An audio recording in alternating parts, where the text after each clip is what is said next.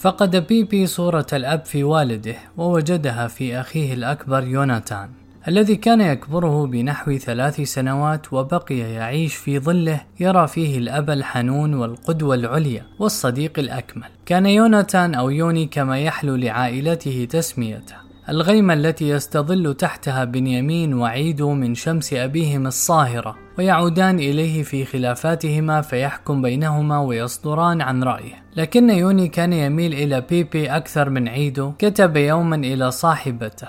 لا يوجد في هذا العالم شخص أحب إلي من بيبي ولا أقدر منه على فهمي. كان الصبي يغدو إلى المدرسة ويروح إلى الدار ووالده لا يبرح مكتبته. كانت الطبقة السياسية قد لفظته فبقي أسير بيته.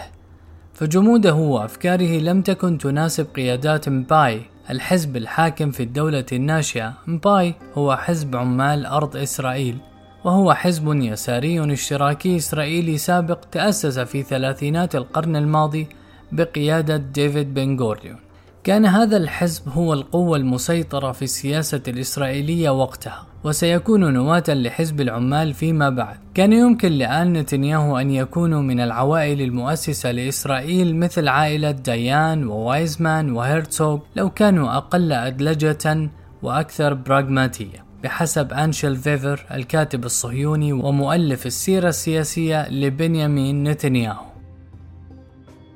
يمد المؤرخ وأستاذ الأدب العبري يوسف كلاوسنر يد العون لرفيقه المنبوذ وهو الذي لم يفلح في منافسة حايم وايزمان على رئاسة إسرائيل وخسر أمامه في انتخابات عام 1949 وما عسى المرء أن يفعل حين يفشل في السياسة والتأثير يتحول إلى مثقف أو مؤرخ يبحث عن سلطة على الأجيال اللاحقة بعد أن فاته التأثير في الجيل الذي يعيش معه. يعرض كلاوزنر وظيفة مساعد محرر للموسوعة العبري وإن شئت قل المحكية العبرية على بن صهيون والد بيبي.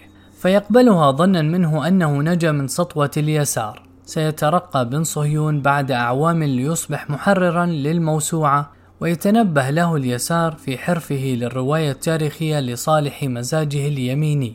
تطورت زمالة كلاوزنر وبن صهيون إلى صحبة وثيقة ومجلس دوري يتطارحان فيه هموم السياسة التي لم تواتهما. أسبابها.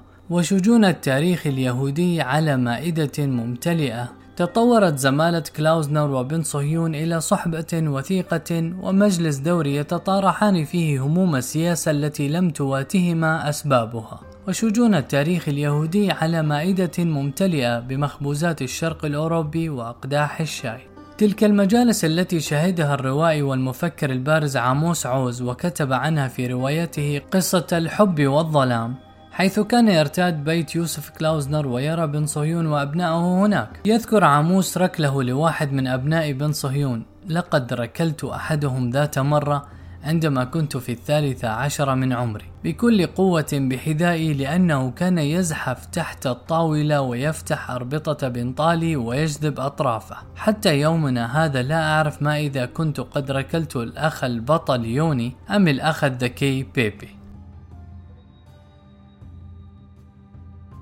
في ديسمبر كانون الأول 1957 توجهت نقابة العمال التابعة لحزب باي إلى ممولي الموسوعة العبرية بشكوى مفادها أن بن صهيون نتنياهو يقلل من دور حركة العمل الصهيوني في تأسيس الدولة ومحاربة الإنجليز ويعزو للحركة التصحيحية بقيادة جابوتينسكي دورا أكبر في قيام الدولة. شيء ما في مسيرة بن صهيون العلمية يجعلنا نتفهم هذه التهمة فقد كان الرجل يميل إلى التنقيح التاريخي أو الكذب بعبارة أخرى لنصرة أفكاره ونزع الشرعية عن خصومه. ففي أواخر الثلاثينات أمضى بن صهيون معظم وقته في جمع وترجمة وتحرير كتابات آباء الصهيونية الذين كان يرى أنهم لم يتلوثوا بالفكر الاشتراكي الحاكم. وكان من بين المؤلفين ثيودور هيرتزل وماكس نورداو وهما من المؤسسين للصهيونية السياسية. كان ابن صهيون بعمله هذا يريد أن يقدم محكية عن السلف الصهيوني المثالي الذين خرج اليسار الصهيوني عن هديهم. ستنتقل نزعة العبث بالتاريخ وتجييره لفكر كاتبه إلى الابن وتصبح إحدى دعائم دعايته. يقف بنيامين عام 2015 في المؤتمر الصهيوني العالمي مستفزا المسلمين حيث يقول إن الحاج أمين الحسيني هو الذي أقنع هتلر بتنفيذ محرقة اليهود وبعد تزايد الضغط الإسرائيلي عليه بأن هذا التصريح يسيء للمأساة اليهودية ويبرئ صانعها هتلر اعتذر نتنياهو وقال إن كلامه فهم على غير وجهه ولكن الرجل لم يكن قد ابتكر هذه الخرافة في ذلك المؤتمر إنما اقتبسها من كتابه مكان تحت الشمس الذي كتبه عام 1993 بعد خمس سنوات من هذه الشكوى 1962 وإصدار عشرات مجلدات من الموسوعة فتحت لبن صهيون نافذة أمل لاستئناف عمله الأكاديمي في الولايات المتحدة والتحرر من البيئة الطاردة في إسرائيل فاستقال وسافر إلى الولايات المتحدة بعد الحصول على عقد عمل في إحدى الجامعات في فيلادلفيا ولن يعود إلى إسرائيل إلا بعد صعود الليكود للحكم في عام 1977 لم يتلقى الصغار خبر السفر إلى أمريكا هذه المرة كما تلقوه في المرة الأولى عام 1958 حين استقبلوه ببهجة الأطفال بالحلويات فقد كانت أمريكا تعني لهم معلبات الطعام وقطع الحلوى التي يرسلها أقرباء والدهم من العالم الأول بين فترة وأخرى. في ذلك الوقت كان أبوهم قد حصل على عرض زمالة جامعية في نيويورك لمدة عامين فساق عائلته معه مطاردا حلمه الأكاديمي. في ذلك الوقت لقي بيبي صورة غير التي كان يحلم بها فقد عانى عزلة في المدرسة بسبب حاجز اللغة التي لم يكن يعرفها. كانت أمه تجلس معه بالساعات تقوم لسانه للنطق بها حتى لا ينطق ذا ز كما يفعل الشرقيون. أقامت العائلة وقتها في شقة صغيرة في فندق كاميرون على الجادة السادسة والثمانين في منهاتن التي لم تكن مناسبة لمزاج الأطفال في سن الانطلاق بعدها بعام انتقلوا إلى بيت ريفي في لونغ آيلاند. لم تلههم باحته الواسعة عن رغبتهم في العودة إلى القدس من جديد. في عام 1961 وقبيل السفر إلى أمريكا للمرة الثانية بدأ بيبي دراسته في الثانوية العبرية جيماناسيا ريهافيا إحدى أشهر المدارس في القدس وكان أخوه يوني يعيش أمجاد مراهقته. فقد كان قائد الكشافة ورئيسا للمجلس الرياضي الطلابي ولذلك كان تلقيهما لخبر الانتقال إلى الولايات المتحدة مرة أخرى خبرا صاعقا. كان يوني يسر دائما لبيبي بأنه يريد أن يتحرر من قيود المنزل الصارمة والسير وراء أحلام أبيه الذي تجاوز الخمسين في الدكتوراه وأن يستقل بالعيش وحده متى ما بلغ سن الثامن عشر عاش يوني أيامه الأخيرة قبل السفر إلى أمريكا مقاطعا لوالديه معتزلا لهم مقفلا على نفسه باب غرفته. لقي المراهقان نفسيهما مرة أخرى في الولايات المتحدة يعيشان حياة لا تشبههم. كان يوني يبغض النمط الأمريكي أشد بغض. ربما انتقلت إليه العدوى من جده الحخام الذي لم يرضى يوما عن اليهود المقيمين هناك. لقد نشأ المراهقان على عزائم أبيهم الفكرية وتأهيل المؤسسات التعليمية للنخبة الإسرائيلية. ليجدا نفسيهما فجأة رفقة فتية أمريكان تشغلهم أسئلة الهرمونات وبيولوجية المراهقة. لخص يوني مشاعره تجاه زملائه الأمريكيين في رسالة أرسلها في إبريل نيسان 1963 إلى أحد أصدقائه في القدس. يقول ليس للشباب هنا حديث سوى أحاديث السيارات والفتيات. حياتهم تطوف حول موضوع واحد وهو الجنس. وأعتقد أن فرويد سيكون سعيدا ببيئة كهذه يثمر فيها زرعه ويلتقط ثمارها. يوما بعد يوم يتجذر شعور في نفسي بأنني أعيش بين قرود وليس بين بشر. كان للأخوين نشاط وجد في التحصيل كجد من نشأ على أرض مغصوبة وليس له رفاهية الارتخاء. وورثا من والدهما الولع بالقراءة. وكان لبنيامين دفتر صغير يدون فيه المعلومات والكلمات الجديدة التي تمر بسمعه كل يوم. يحكي جاريد كوشنر في مذكراته في البيت الأبيض Breaking History عن أرق أصاب رئيس الوزراء نتنياهو حين زار بيتهم وبات ليلته في غرفة جاريد. ولما عجز عن النوم التقط نسخة وجدها على الرف لرواية تشارلز ديكنز آمال عظيمة. وحين طلع الصباح وجد أنه قد جاوز نصفها فاستأذن من كوشنر أن يأخذ الكتاب معه ليكمله. بعد أشهر من الإقامة وشيئا فشيئا دبت في الغلامين كما كان والدهما وجدهما حمى الدعاية لإسرائيل والمشروع الصهيوني. فصار حديثهما في كل مكان. اكتشف يوني أنه لم يكن يعيش بين قرود وأن في محيطه عددا قليلا من البشر ذوي أدمغة وحكمة من مستوى عال. كما كتب لاحقا لأحد أصحابه بعد أن صار يدعى إلى التجمعات الطلابية والحفلات لم يلبث يوني أن وجد في الالتحاق بالجيش وسيلة للتخلص من العيش في أمريكا وتحت سقف والده. وبقي بيبي في الولايات المتحدة لإتمام دراسته الثانوية. كان لأبيهما نظرة لمستقبلهما في الأكاديمية الأمريكية. فكان يرغب في أن يسيرا مسيرته في تحقيق أحلام لم يفلح في تحقيقها. ولكن يوني تمرد عليه. وظل بيبي يلاينه ويسايره حتى حين. في الوقت الذي تأبى يوني على نمط الحياة الأمريكي والثقافة الأمريكية وأسرى لسنوات بقائه فيها بالدعوة إلى الصهيونية سيتأمرك أخوه وسيحمل أمريكا بداخله إلى إسرائيل سياسة وثقافة واقتصادا.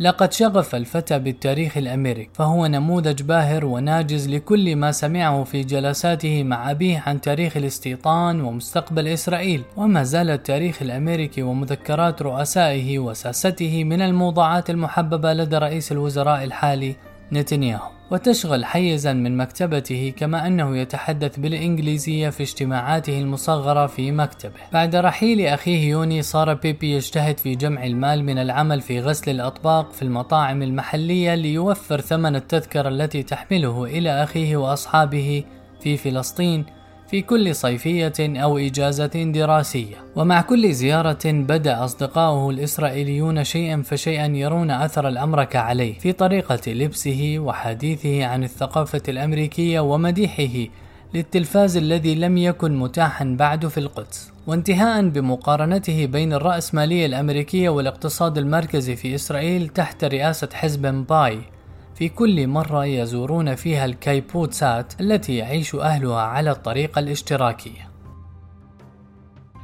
في نهاية سنوات دراسته الثانوية وقف بنيامين على مفترق طرق بين والده الذي يلح عليه في استكمال تعليمه في جامعة أمريكية مرموقة مثل ييل التي حصل على قبول فيها وبين دعوة أخيه يوني ليلتحق به في الخدمة العسكرية وفي عام 67 وجد بيبي في ضجيج طبول الحرب التي تقرأ حجة ليتخلص من ضغط أبيه ويلتحق بأخيه.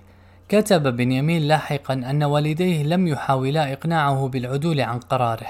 سألوا: هل أنت متأكد من أنه ستكون هناك حرب؟ أجبت: بالتأكيد، وإلى جانب ذلك أريد أن أرى يوني قبل أن تندلع. في الخامس من حزيران يونيو 67 وحيث كانت إسرائيل تتجهز لنصرها الحاسم على العرب كان الفتى بنيامين يغط في نومة طويلة على سريره في القدس ولم توقظه إلا أصوات المدافع. لم يكن بيبي قد ولد في نصر كيانه الأول في 48 ولم يشهده في 67 وعاش بقية حياته يبحث عن نصر مفصلي يكون فيه هو قطب الرحى.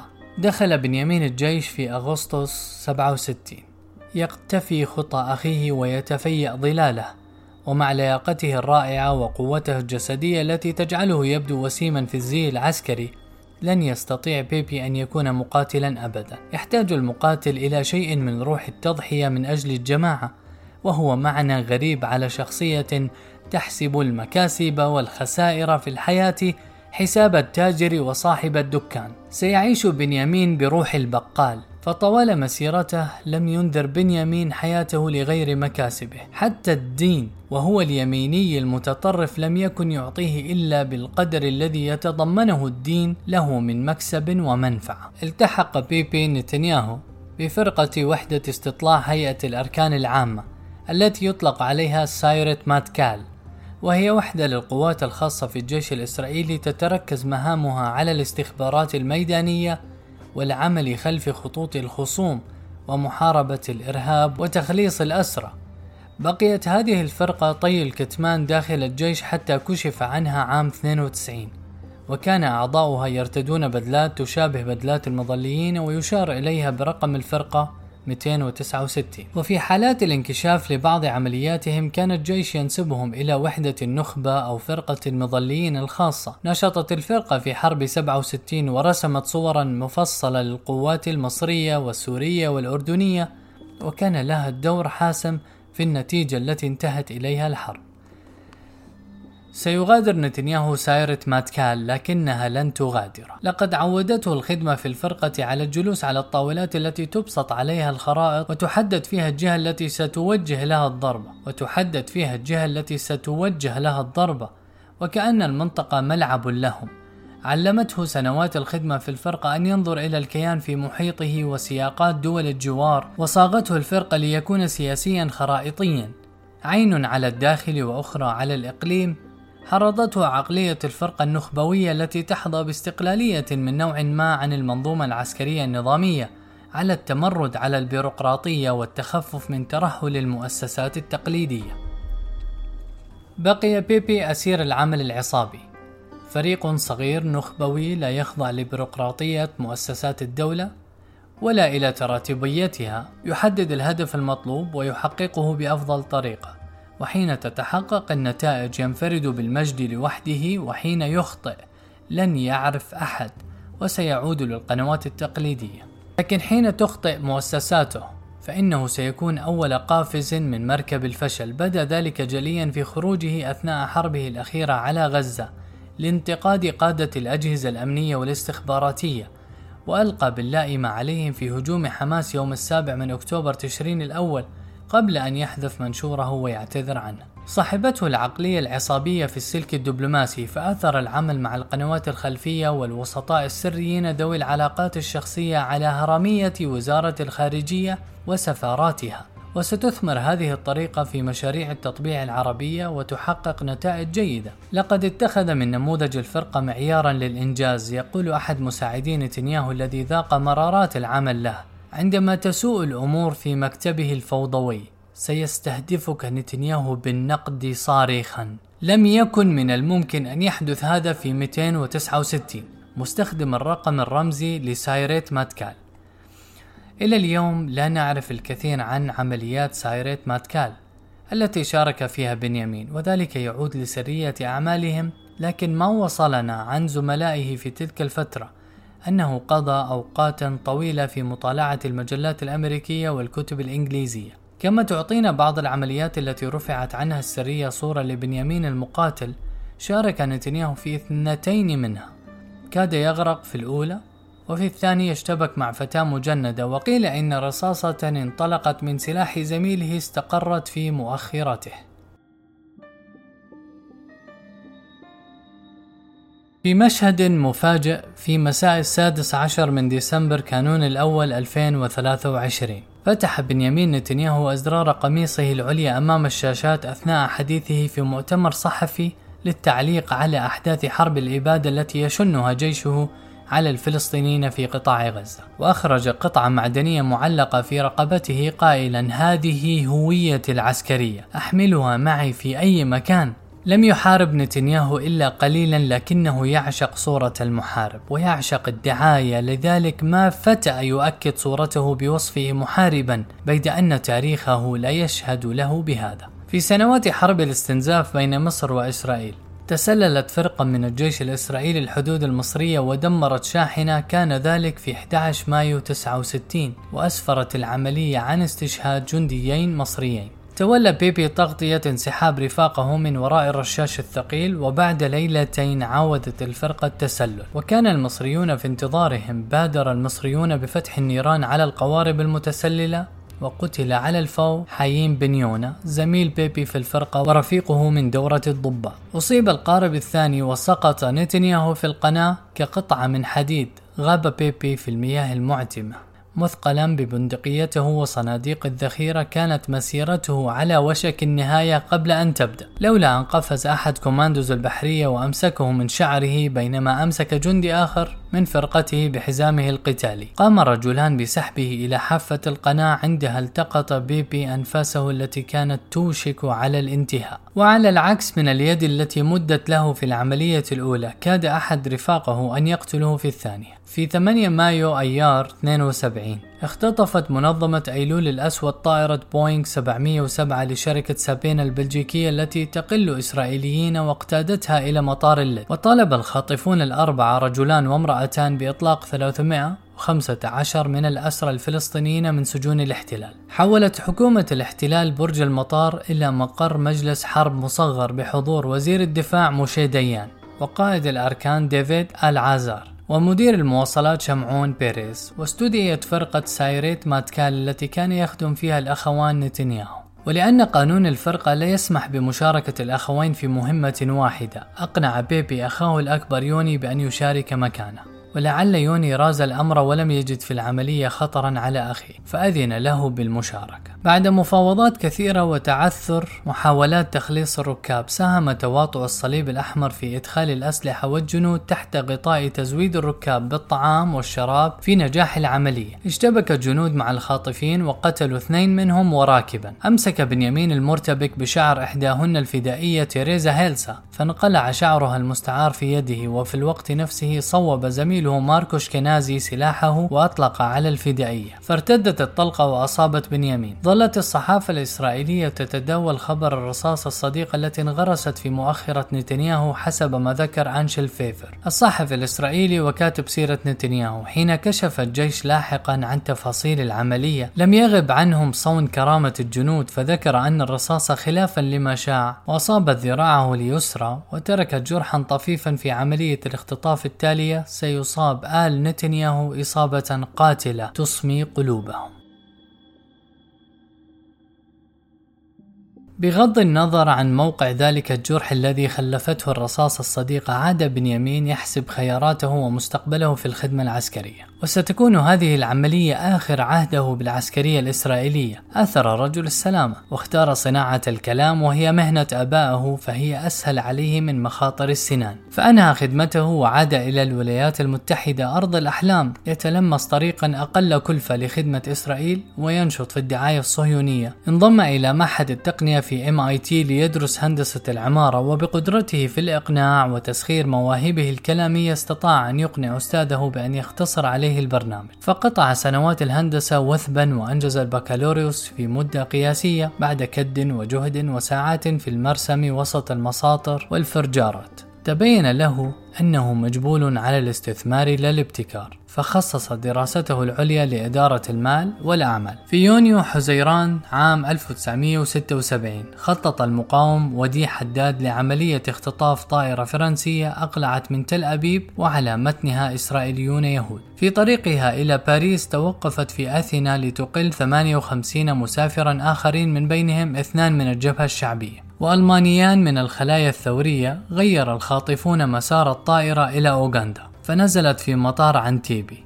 وأطلقت سراح الركاب من غير الإسرائيليين. أما الإسرائيليون فأبقتهم للمفاوضة عليهم مقابل إطلاق سراح أسرى فلسطينيين في سجون الاحتلال. شارك يوناتان نتنياهو في قوة إسرائيلية قوامها 100 جندي لتحرير الرهائن الإسرائيليين وعاد الجنود 99 بعد أن قتل يوناتان في الاشتباك. طوى الخبر المحيط الأطلسي حتى وصل إلى بنيامين في بوسطن. دارت به الأرض وتداعى عالمه الذي كان أخوه يتربع في مركزه وكتب بيبي لاحقا. شعرت أن حياتي قد انتهت لم يفقد بيبي أخاه فحسب بل فقد قدوته وصديقه الأقرب ونموذج البطولة ومن كان يمثل له بوصلة الحياة. بمقتل يوني سيشعر بيبي باليتم ووالداه أحياء.